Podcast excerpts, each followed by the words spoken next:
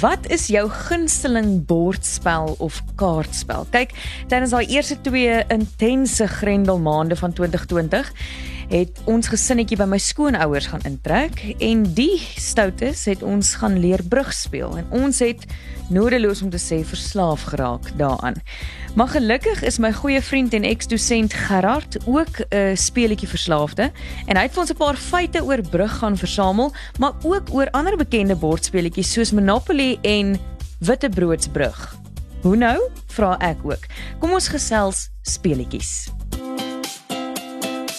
Hoe nou? Met Suan Miller Maree en Gerard van Huisteen.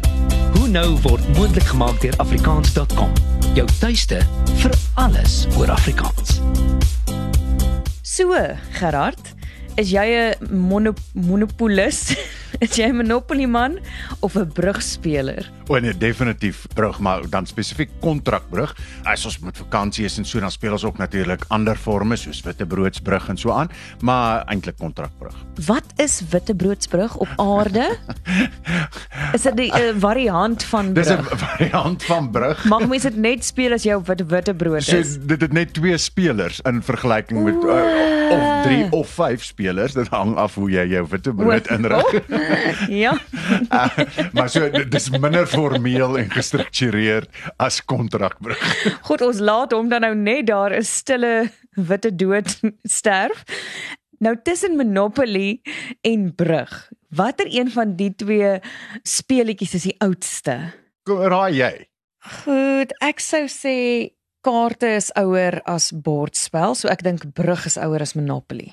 Nee, is inderdaad Monopoly wat die oudste is. Ja. So reeds in 1903 was daar in die FSA 'n vrou Lizzie Maggie wat 'n patent in 1904 op hierdie speletjie uitgeneem het. Nou die interessante deel hiervan is die aanvanklike speletjie se naam was The Landlord's Game. Want sy wat Lizzie is, was 'n groot aanhanger van die sogenaamde geoisme. Nou ek gaan nou nie daarop in nie. Dis 'n hele ekonomiese teorie wat daarop ingestel was teen monopoliste, teen die Ruperts en die Oppenheimers van die wêreld en so aan. En die hele speletjie was daarop gerig om hierdie idee van die geoisme, hierdie antimonopolistiese idee aan mense oor te dra en aan mense bekend te stel. In sy inderdaad twee weergawe van die speletjie ontwerp. Een moet antimonopolistiese reëls en die ander een moet monopolistiese reëls.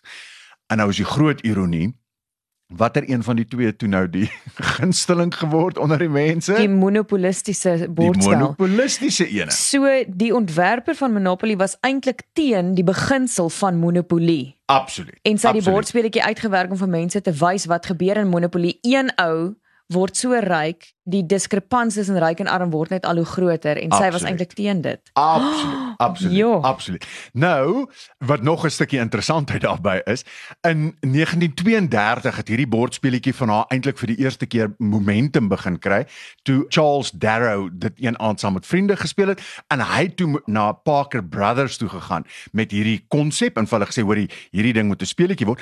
En Parker Brothers koop toe daai tyd by die Lizzie koop hulle toe die patent vir 'n skamele 500 dollar. So nou is die die snaaksigheid ook een van die grootste monopolieë mm. die speletjie. Het uh, dit is by haar gekoop. by haar gekoop vir eintlik geen geld nie. Uh so dis eintlik heeltemal 'n klomp ironie. O, spyt kom te laat, nê, nee, selfs vir. Lizzie Maggie. Nou wat van brug of kontrakbrug soos jy dit vroeër genoem het? Kontrakbrug het 'n lang voorgeskiedenis wat teruggaan na die laat middeleeue in Italië en Frankryk en so aan, maar dit was nie kontrakbrug Soos soos, ons ons dit ken nie. nie. Mm. Nee. So in 1904, dis die jaar na Lizzie met haar Landlord's Game vorendag gekom het, is die eerste weergawe van kontrakbrug opgeteken. so met ander dis baie woorde naby aan mekaar. Dis 'n very um, a close second, nê. Presies, Nee. presies. So jy's daar nou nie so erg as jy verkeerd geraai het nie. Maar later is die reëls verfyn. Nou ja, en hier kom die twee goed weer mooi by mekaar uit. Deur Harold Sterling Vanderbilt, een van die bekende en skatryk Vanderbilts wat toe in 1925 hierdie reëls gepubliseer het. Jy spreek dit Amerikaans uit, was hy American? Very American, the Vanderbilts. Dit was nie Harold Sterling van der Bolt nie, dit was Harold Sterling van der Bolt. Vanderbilt. Ja. Yeah. Okay, goed. So hulle het basies omtrent dieselfde tyd uitgekom. Nou net hierna wil ons 'n bietjie kyk na watter een van hierdie twee is die gewildste bly ingeskakel. Afrikaans is so lekker soos koeksisters, braaibroodjies en kondensmelk koffie. Dit is jou taal. Dit is wie jy is en hoe jy leef. Daarom nooi ons jou. Kom skryf saam aan die toekoms van Afrikaans. Vir gratis leerhulp, taalnuus, vermaak, speletjies en meer. Besoek www.afrikaans.com en volg ons op sosiale media. Koop dit, lees dit, praat dit, leef dit. afrikaans.com. Jou tuiste vir alles oor Afrikaans. Jy luister na Hoe nou met Gerard en Swan en Swan en Swan. Welkom terug aan al die brugspelers en monopoliste of anti-monopoliste. Is dit hoe mense van so 'n mens Dit praat? sal hoe yes. Goed, dit was my baie interessant om te leer dat Monopoly eintlik daar gestel is of ontwerp is deur Lizzie Maggie om vir mense te leer hoe sleg 'n monopolistiese stelsel is en toe begin almal nou daarvan vreeslik hou want ek dink mense het vir die eerste keer 'n kans gekry om te voel hoe dit is om net so Absoluut. vinnig ryk te word en almal se weelde by hulle sommer so te vat amper, jy weet. Presies, presies. O, dit was walglik. Ek het altyd verloor teen my boetie. Hy was altyd die monopolis en ek die arm gat. Ek was altyd die bank en dis het ek altyd gewen. Ah, mooi. Mooi sien jy was slimmer as ek gewees. Nou, die groot vraag is Monopoly is dalk 'n jaar ouer as Brug soos wat ons dit vandag ken. Maar watter een van hierdie speletjies is die gewildste in die wêreld? Dis natuurlik baie moeilik om te bepaal van wat is die gewildste mm. en so aan veral omdat jy kan met enige pak kaarte kan jy dit speel. So jy kan nie gaan sê hoe vergelyk Monopoly se verkoopsyfers met 'n pak kaarte sin nie. Ja. Nee. So is baie moeilik. Ek kon wel die volgende opspoor. So tot en met April 2019 was daarvan Monopoly 3400 72 verskillende weergawe oh. in die wêreld beskikbaar. 3500 naaste by, né? 3500 verskillende weergawe amptelikes. En dis uitgesluit die wat in verskillende landstale vertaal is, nê. Nee, ja. So ek het groot geword met 'n Afrikaanse monopolie. Ja, die een met Musgrave en Smithslaan en en, so en, en presies. Ja. En dis uitgesluit daardie. Nou as 'n mens dan al die verskillende tale in ag neem en so aan, sou mens waarskynlik hier by 16000 verskillende weergawe uitkom. Brug Die enigste manier hoe ons hier 'n bietjie vergelyking kan tref is om te sê ons onderskei tussen toernooispelers en dan sogenaamde kombuisspelers. Nee, ek en jy is maar kombuisspelers. My skoonpa dink ook so. Hy's definitief 'n toernooi gehalte speler. Daar's 'n verskil tussen 'n gehalte speler want ek speel ook graag gehalte O, goed, ekskuus, ek wou nou nie op jou tone trap nie, maar in elk geval sal later bepaal. So daar's 'n inskatting dat daar 100 keer meer kombuis spelers is as toernooispelers. Nou die Britse koerant Independent het in 2006 ingeskat dat daar wêreldwyd 200 miljoen spelers is. 200 miljoen brugspelers is. As ons kyk na amptelike syfers, die American Contract Bridge League skat dat daar 25 miljoen spelers net in die FSA is van kontrakbrug. So ek gaan raai dat my gevolgtrekking hieruit is dat daar baie meer kontrakbrugspelers is as Mm. Monopoly spelers, Mm. maar dat daar ook ongelooflik baie Monopoly verkoop is in die wêreld. En dat daar ongelooflik baie bordspeletjies en brug gespeel is tydens die Grendelstaat in Absoluut. Suid-Afrika en reg oor die wêreld. Dit kan ons maar weet. Uh, Lizzie Maggie sou trots gewees het as sy nog leef. Nou goed, tot slot.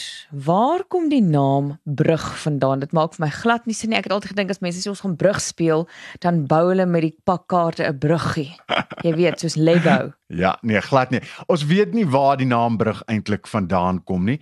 Die grootste vermoede, die sterkste teorie is dat dit kom van 'n Russiese woord birich af wat die naam was van 'n soortgelyke speletjie toe dit in die 19de eeu in Istanbul ontwikkel is. Maar ons weet eintlik nie. Daar's ander teorieë dat dit van Turkse oorsprong is en so aan, maar met 'n brug, die brug brug brug, het dit eintlik dus niks te maak nie. Maar daai Turkse woord waarvan dit afgelei is, beruk, beteken 1-3, want een hand is oop almal kan sien wat op 'n een mens se hand aangaan en die ander hande is verborge. Presies. So dit sou vir my baie sin maak. Dit maak ook baie sin, maar die Russiese woord daai berich beteken weer die aankondiger, nê, nee, en dis Ja. deel van die vandisie is daai hele konsep. So dit is eintlik maar moeilik en onmoontlik om te bepaal. te bepaal. Al wat ek weet is as jy brug nie verstaan nie, is dit 'n berich sonder die R. Vra vir my, ek het omtrent gehuil toe hulle vir my probeer brug leer uit die eerste aand of twee, maar as jy dit eers snap, is dit gevaarlik verslawend. En so aan omdat jy gesê het verslawend, kom ons hoor wat sê die luisteraars.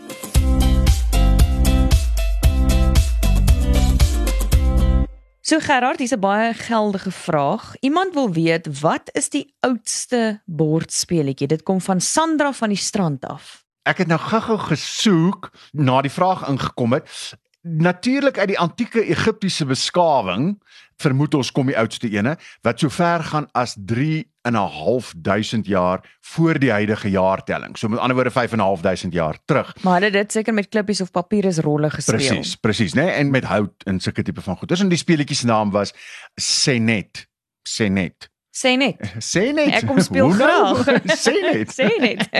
Uh, maar van die bekende speletjies is Dambord die oudste, Ah. Backgammon en skaak. Het ek gedog sou die oudste wees, maar nee, skaak is baie jonger as Dambord en Backgammon. Skaak kom maar uit die jaar 600 terwyl Dambord en Backgammon beide uit 3000 voor die huidige jaartelling kom. So dis meer as 5000 jaar oud is En Dambord kom uit Mesopotamië. uit Mesopotamië. Ja, en Backgammon het daai selfde streek uit uit Persië, Irak daar. Terwyl skaak kom, ek het dit nie geweet nie, uit Indië en China. Ek het dit ook nie verwag nie. Indië of China. Ja, hulle is ook nie 100% seker nie. Sjoe.